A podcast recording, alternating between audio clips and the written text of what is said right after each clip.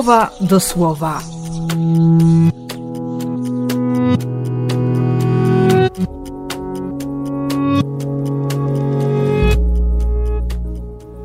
Dwudziesty dziewiąty grudnia, czwartek.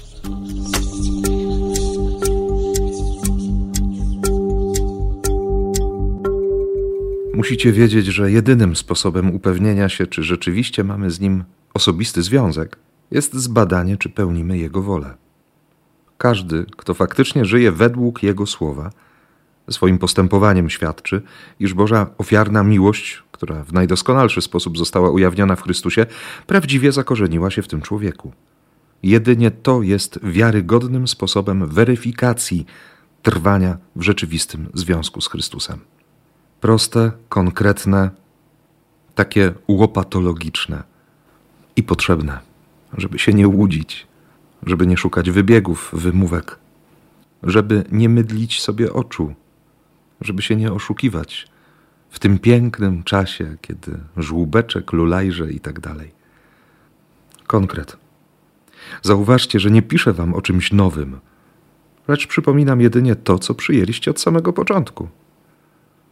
Tym bowiem, co znacie od dawna, jest Słowo Boże, jednak w Chrystusie nabiera ono zupełnie nowego wymiaru i znaczenia. To przykazanie miłości jest, jest nowe, jest inne.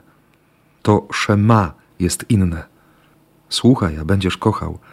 W Chrystusie dochodzi do granic, a właściwie przekracza granice.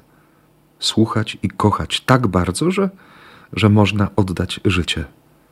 Wiem, że to słowo nie jest o mnie, to słowo jest o Jezusie ale wiem też, że On ma tę moc, która wyrywa ze śmierci, wyciąga z ciemności. Może dlatego Symeon nie boi się wejść w śmierć, skoro, skoro widzi światło. Skoro na moment zabrał, zabrał Józefowi i Miriam Jezusa, bo mu duch odpowiedział. Jak ja lubię tę grę słów w języku polskim. Duch mu odpowiadał. Oni się obaj dobrze czuli w swoim towarzystwie.